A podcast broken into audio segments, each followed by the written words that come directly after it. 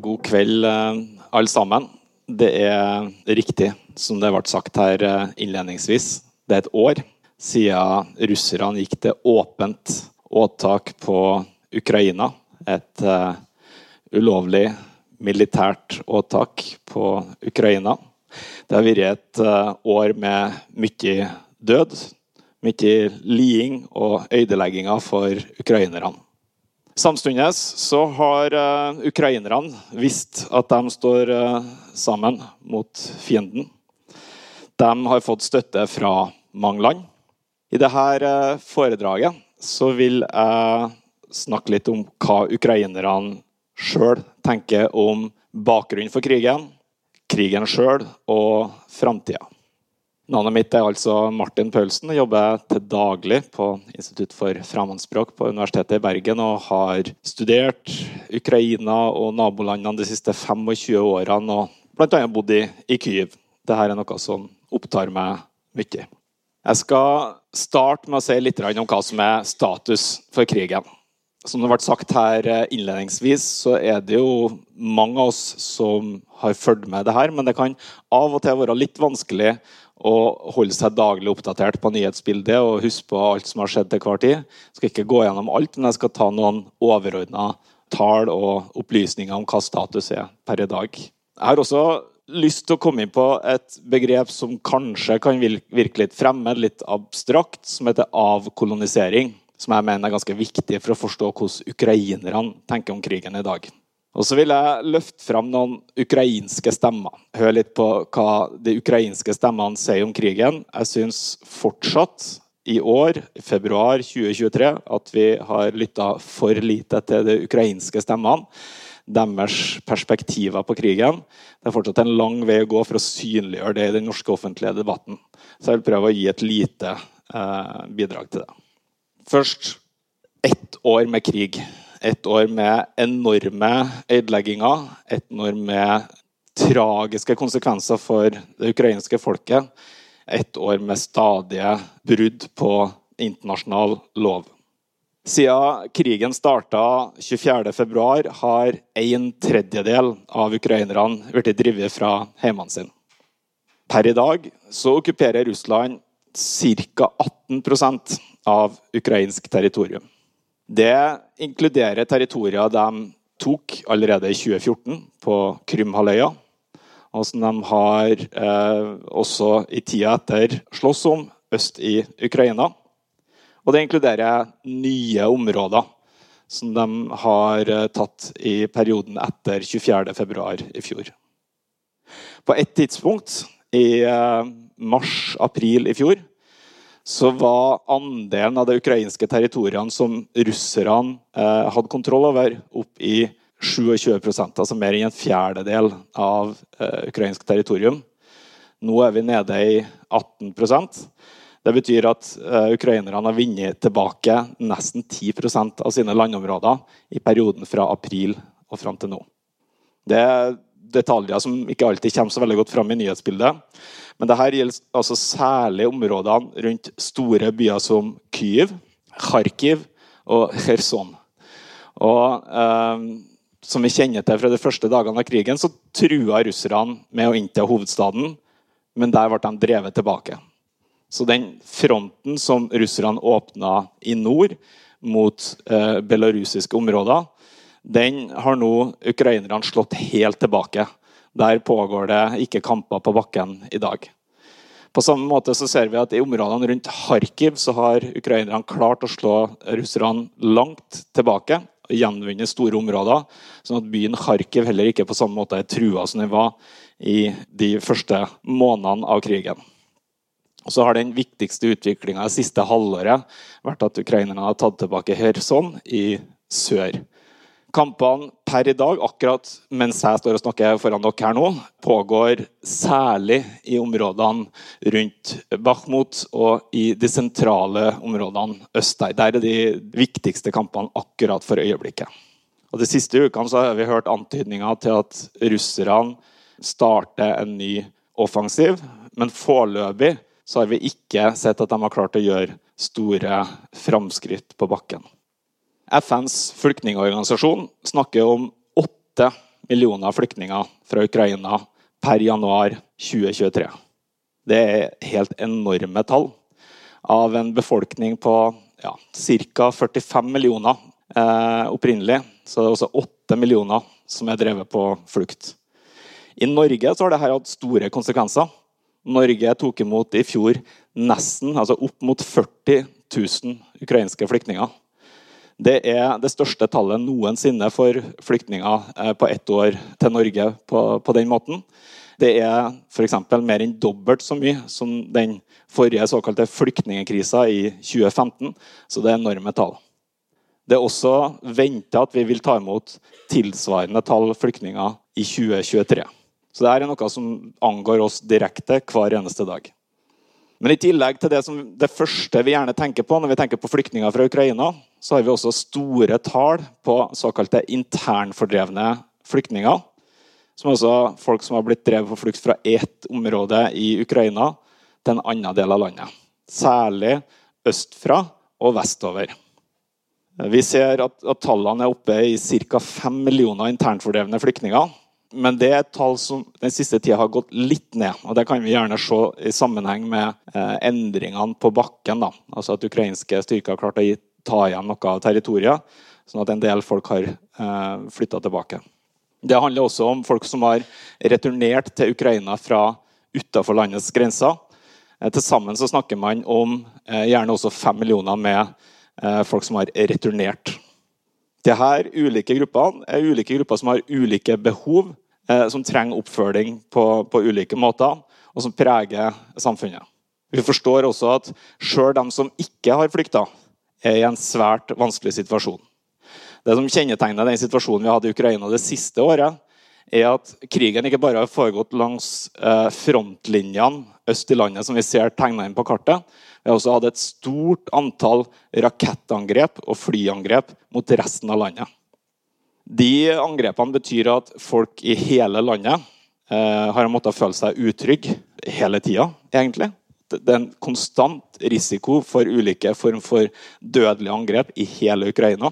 Men det har også hatt veldig store konsekvenser for hvordan livet er også når man ikke er under angrep. fordi at de angrepene som har kommet, har kommet på viktig infrastruktur som elektrisitet og som vann. Det betyr at innbyggerne i store deler av landet har måttet rasjonert med ting som vi tar som den største selvfølge. Rennende vann eller strøm.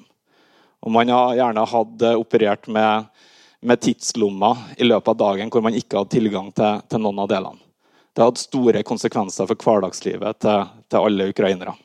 Det er eh, på en måte det store bildet på situasjonen på, på bakken i Ukraina i dag litt om bakgrunnen for krigen.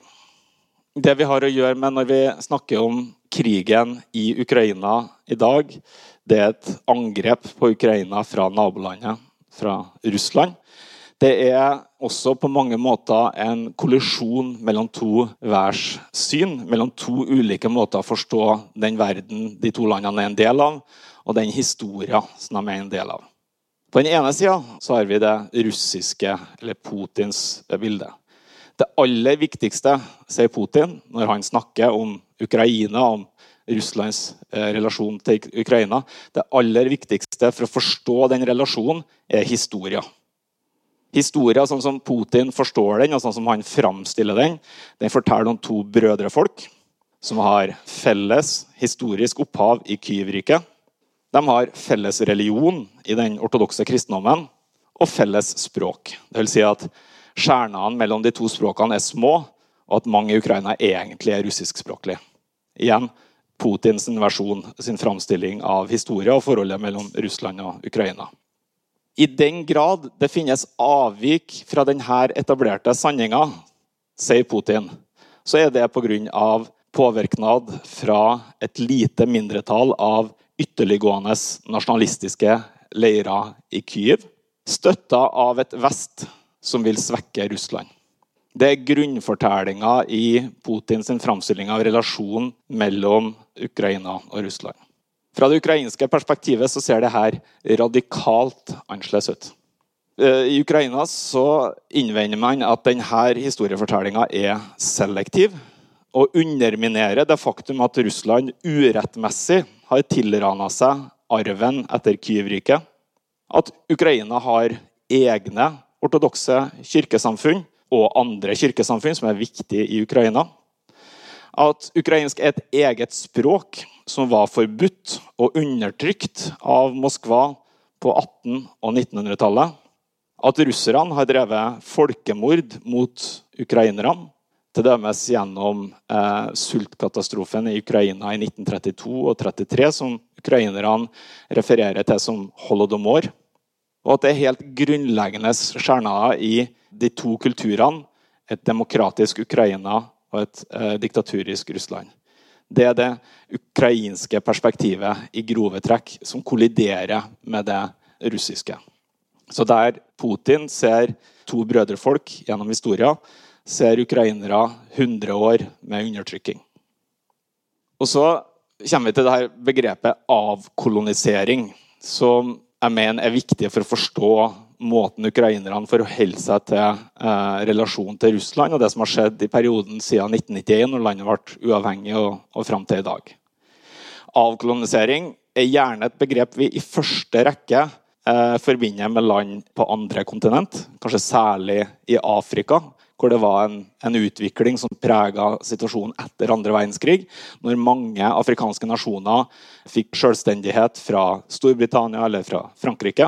Men jeg mener at det er lignende prosesser på gang i relasjonen mellom Ukraina og eh, Russland. Ukraina ble som kjent en selvstendig stat i 1991. Men det var ikke uten videre gitt hvordan en skulle forstå eh, den sovjetiske historien og eh, situasjonen etterpå. Var det sånn at Ukraina var en av 15 frivillige republikker i Sovjetunionen, sånn som den sovjetiske grunnloven stadfesta? Eller hadde de vært utsatt for en okkupasjon? To ulike perspektiv på den samme historien. Da landet erklærte seg selvstendig, var det etter ei folkeavstemning i hele Ukraina høsten 1991, hvor flertallet av befolkninga i alle deler av landet, inkludert Krimhalvøya og fylkene lengst øst i landet, røsta for selvstendige. Men grunnene for at de røsta som de gjorde, kan ha vært ulike. Og i tida etter så ser vi at uh, det har vært politisk usemje om hva retning landet skulle ta. Avkolonisering tar utgangspunkt i at landet har vært okkupert. Det har vært et populært omgrep særlig blant ukrainske akademikere i de siste 30 årene, helt siden 1991. Lenge var det først og fremst nettopp det. Et omgrep som sirkulerte i akademiske kretser eh, og gjenstand for akademisk diskusjon. Men utviklinga de siste ti årene tyder på at det har blitt en historisk kraft med håndgripelige resultat. Og Det mest håndgripelige resultatet ser vi kanskje på skjermen her.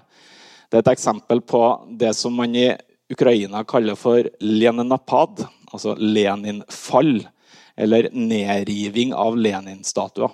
I perioden etter 1991 så er det flere tusen sånne statuer av Lenin som har blitt fjerna over hele Ukraina som symboler på sovjetmakten. Altså man ønska å fjerne det som symboler for å erstatte det med noe nytt, noe annet, et annet Ukraina i dag.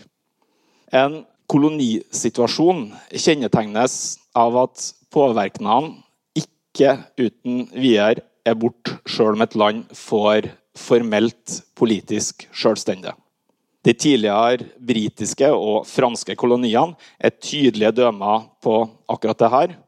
De europeiske språkene står fremdeles sterkt i land i mange kontinent. Mange er under et sterkt eh, kulturelt påtrykk og økonomisk avhengig av sine tidligere koloniherder.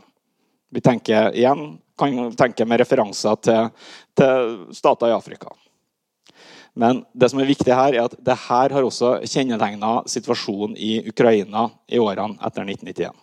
Den russiske påvirkningen har gjennomsyra alle samfunnsområdene. Politisk har Moskva fremdeles vært en viktig aktør. Og De tydeligste eksemplene vi har på det, er presidentvalgkampene, hvor Russland ved flere høve har aktivt vært inne og påvirka utfallet i presidentvalgene. Det tydeligste eksempelet så vi kanskje tilbake i 2004 under den såkalte oransje revolusjonen, som endte opp med at det ble avslørt at det var valgfusk, og man fikk et omvalg. Men vi har også sett andre dømmer på det. Økonomisk så har Ukraina i lange perioder hatt store fordeler av å kunne kjøpe billig gass av Russland. De har vært i et økonomisk avhengighetsforhold til Russland. Eh, og av at det har vært mange ukrainere som har kunnet reise til Russland og jobbe der. Flere millioner ukrainere har i perioden vært og jobba som fremmedarbeidere i, i, i, Russland. Kulturelt så har russisk litteratur, musikk og TV oversvømt den ukrainske kulturmarknaden i perioden etter 1991. På dette feltet så syns jeg det er rimelig å sammenligne måten russisk kultur har dominert i Ukraina, med måten amerikansk, angloamerikansk kultur dominerer i Norge. Og Det henger også sammen med den samme type relasjon. Eh, litt fordi at eh, forlag, TV-selskap, filmprodusenter har økonomisk mye større muligheter i den større markedet som er Russland. Så har de også kunnet påvirke eh, gjennom å produsere kulturprodukter som har prega også kulturtilbudet i Ukraina. I Ukraina så har det vokst fram en motstandsrørsle mot eh, denne, det her kulturelle, økonomiske, politiske hegemoniet som fortsatt henger igjen. Et eksempel, et døme, altså det vi ser her, eh, symbolske handlinger for å fjerne rester av kulturell påvirkning. Det ene er Lenin-statuer. Og i eh, den store byen Lviv vest i Ukraina, så erstatta man til deres Lenin-statue med en statue av den ukrainske nasjonalpoeten Taras Sjevtsjenko. Et veldig sånn symboltungt skifte fra det russiske, sovjetiske til det tydelige nasjonale ukrainske.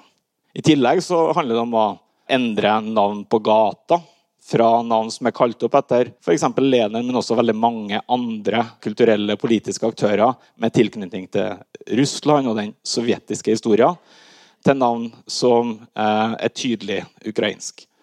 Et eksempel er den store byen sentralt i landet, eh, Dnipro, som fram til 2016 het Dnipropetrovsk, til ære for en tidligere sovjetisk politisk leder. Og Det viser også at det her er noe som pågår hele tida. Senest i går så, så jeg en nyhet fra Kyiv, hovedstaden, hvor man diskuterte hvordan man skulle gå fram for å eh, bytte ut navn på gata i Kyiv som kunne knyttes til eh, Russland og Sovjetunionen, eh, med navn som eh, er mer eh, passende for den situasjonen landet er i dag. Blant annet så var det ei gate som var kalt opp etter eh, sovjetiske luftvernstyrker. Det fant man ut at det passa ikke så bra når man er i krig med, med Russland det er ting som, som, særlig handler om veldig symboltunge handlinger. Men man ser også at den samme type politikk manifesterer seg på andre områder. F.eks. i språkpolitikken, hvor det for mange ukrainere og ukrainske myndigheter har vært viktig å styrke det ukrainske språket på bekostning av det russiske språket. Fordi at man har opplevd at det ukrainske språket gjennom flere hundre år har vært undertrykt. Det er et behov for å gjenopprette urett.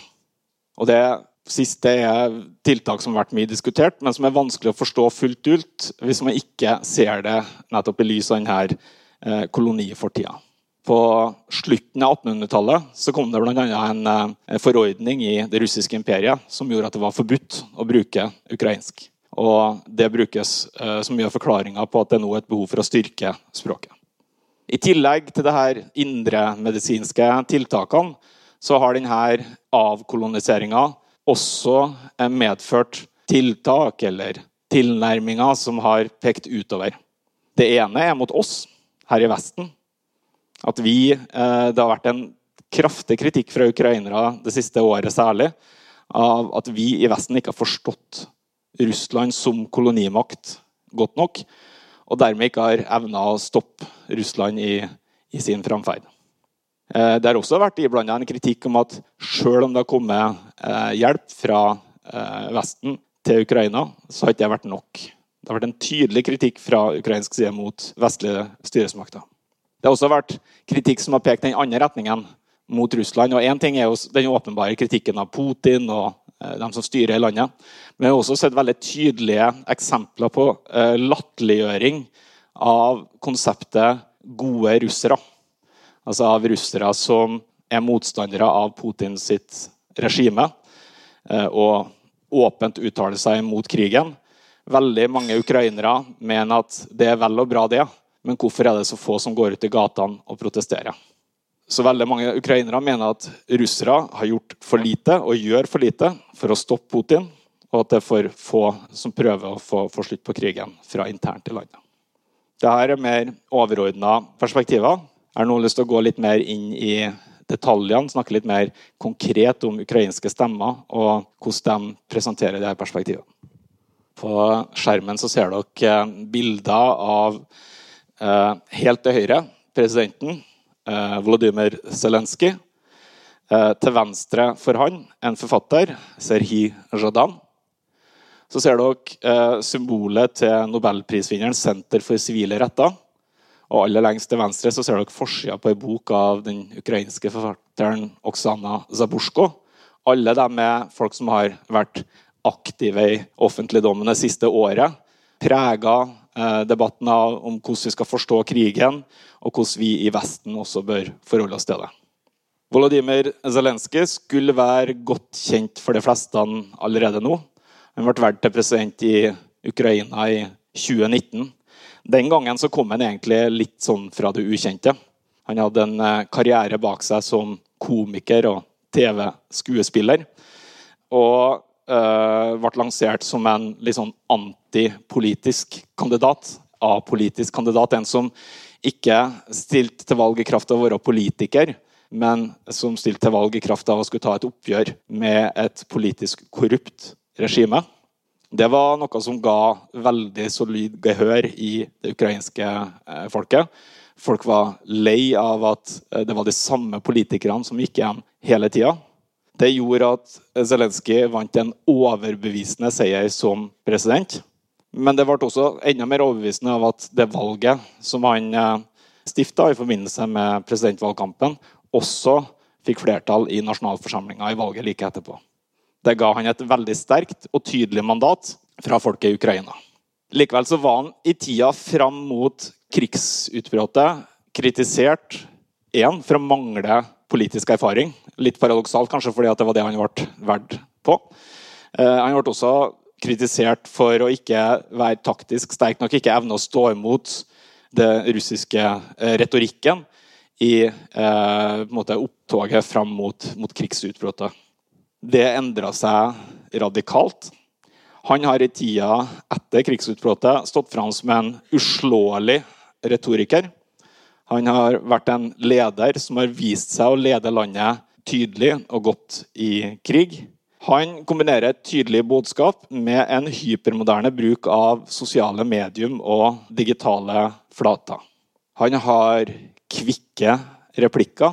Den kanskje mest eh, slående falt i en samtale med den amerikanske presidenten Joe Biden i februar i fjor like etter krigsutbruddet, når den amerikanske presidenten tilbød den et sikkert leide ut av Ukraina når landet var under angrep og eh, russerne sto like utenfor Kyiv.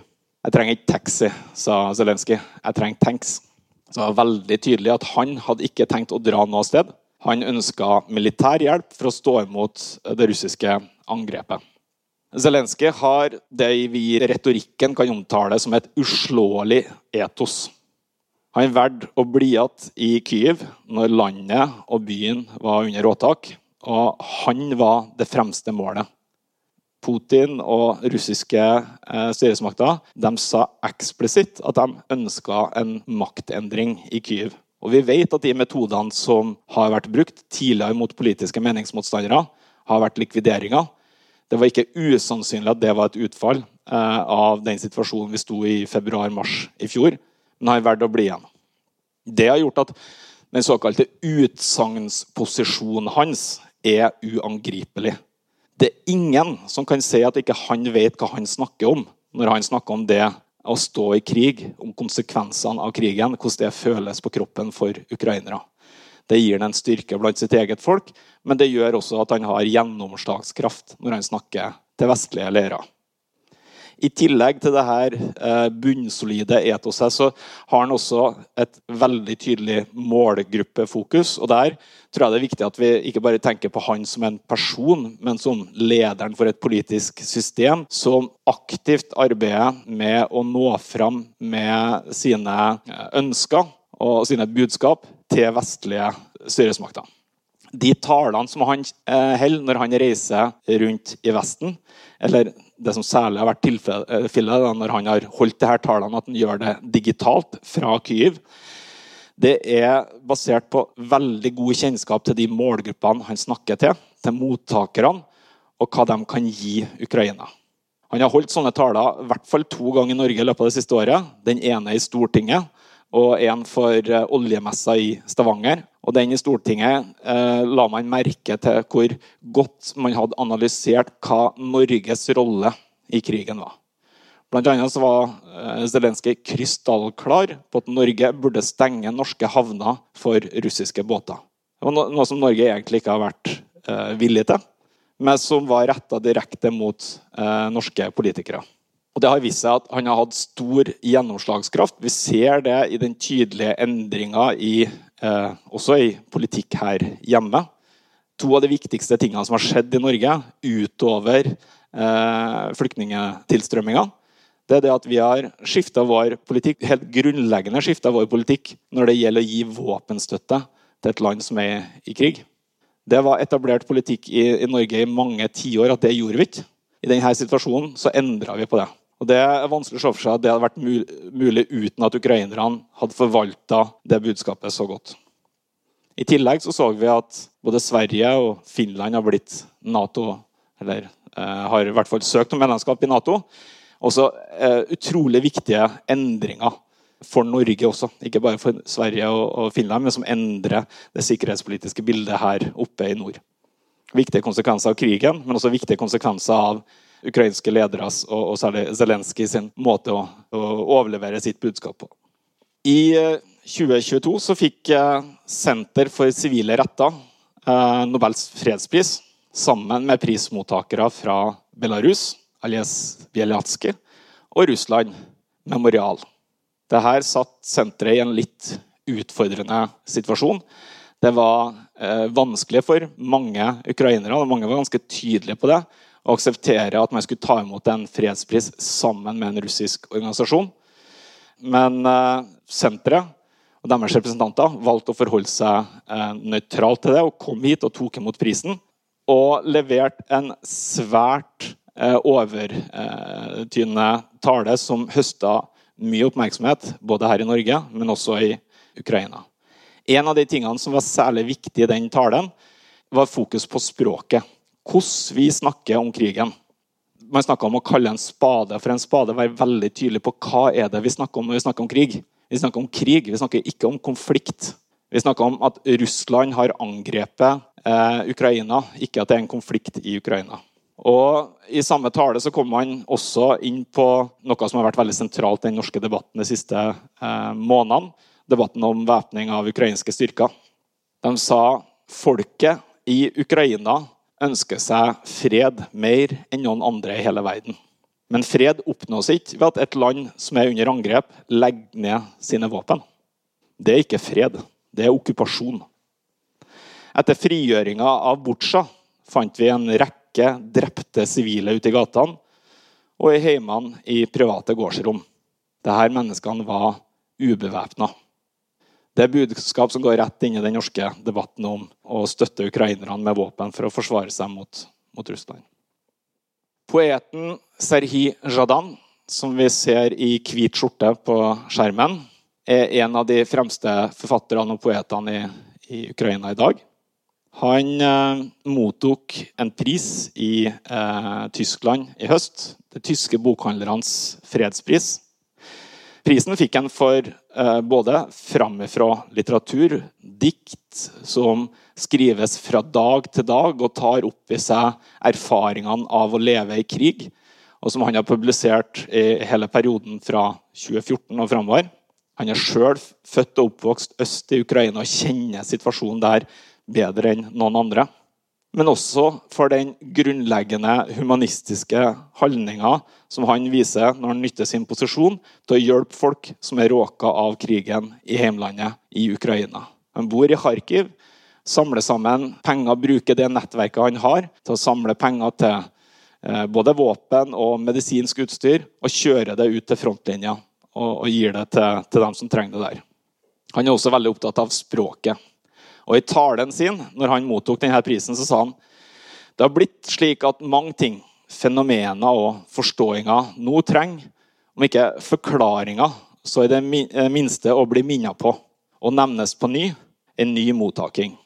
Krigen syner vanligvis fram det som en lenge prøver å ikke legge merke til. Krigen er ei tid for brysomme spørsmål og vanskelige svar. Denne krigen, som ble starta av de russiske militære styrkene, betydde plutselig og helt, et helt kobbel av spørsmål som går langt utafor rammene til de russisk-ukrainske relasjonene. Vi har vært de neste årene nødt til på den ene eller andre måten å snakke om brysomme tema. Tema som populisme og doble standarder. Ansvarsfraskriving og politisk konformisme. Tema som etikk, som viser det seg for lengst og håpløst har forsvunnet fra ordforrådet til dem som tar skjebnesvangre avgjørelser i verden i dag. En kan si at det her temaene har med politikk å gjøre. At det er nettopp, slik, det er nettopp politikk vi må snakke om. Men politikken er i dette høvet samtidig bare en skjerm, et skydd, en mulighet til å kutte krappe svinger og til å ikke sette de sanne nemningene på ting. Men tingene krever nettopp det. Å få sin sanne nemning. At brottsverk blir kalt brottsverk. At fridom blir kalt fridom at ondskap blir kalt ondskap. I krigstid så lyr slike ord særlig uttrykksfylt og tydelig. Vi må sette de rette ordene på tingene, sier Serhi Jadan. Forfatteren Oksana Zaborsko har skrevet boka som er avbilda lengst til venstre. Den skrev hun i 2022 etter å ha eh, måttet ha reist fra Ukraina. Det vil si 23.2, dagen før krigsutbruddet, så satte hun seg på flyet til Warszawa for å, hvor hun skulle presentere en av sine nye bøker. Og Så fikk jeg en telefon på natta eh, som vekta opp fra mannen sin om at nå var Kyiv under angrep. Siden så har ikke hun vært tilbake i Kyiv. Hun er redd for hva som kan skje hvis hun blir tatt til fange av eh, russiske styresmakter. Boka reflekterer over krigsutbruddet, bakgrunnen for krigsutbruddet og hva som kreves av oss nå. Soborsko streker under at krigen ikke starta for ett år siden. Eller for åtte år siden, for den saks skyld. Dette er en kamp om herredømme over de ukrainske områdene som russerne har ført i flere hundre år. Helt tilbake til da kosakkene freiste å etablere en egen ukrainsk stat.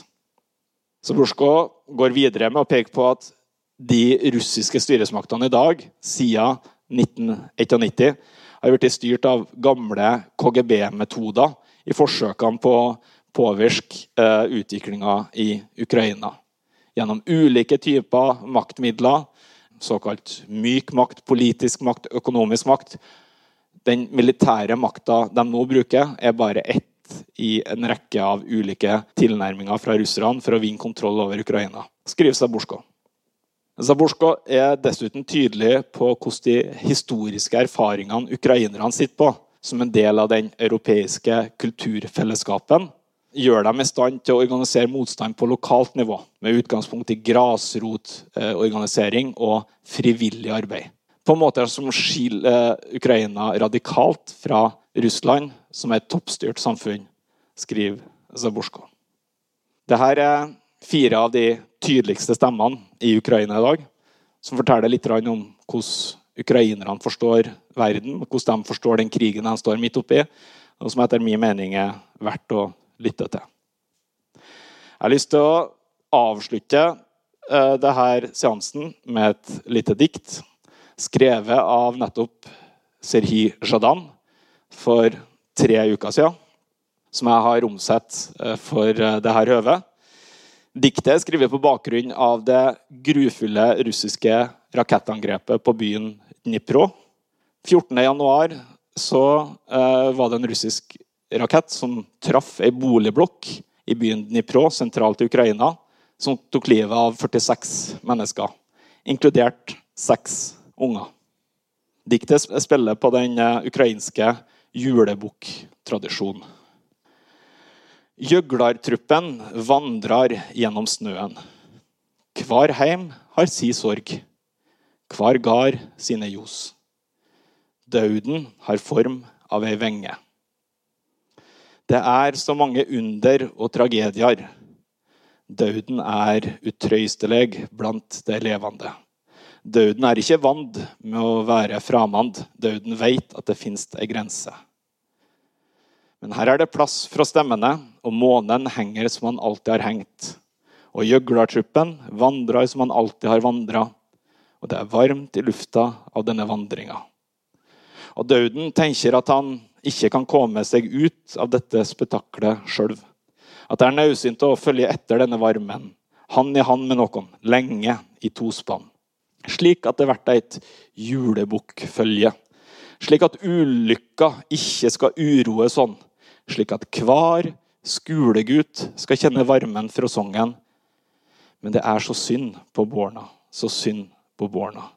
Så synd at de ble råka av denne historien, uten start og uten ende. Denne historien av under og tragedier. Så synd at det er nettopp de som ble skutt på. Døden vandrer. Det er vinterstid. Den venstre, låge bredda av Dnipro, ei gyllen bru over den nattlege elva. Alt er som før. Ingenting er som før.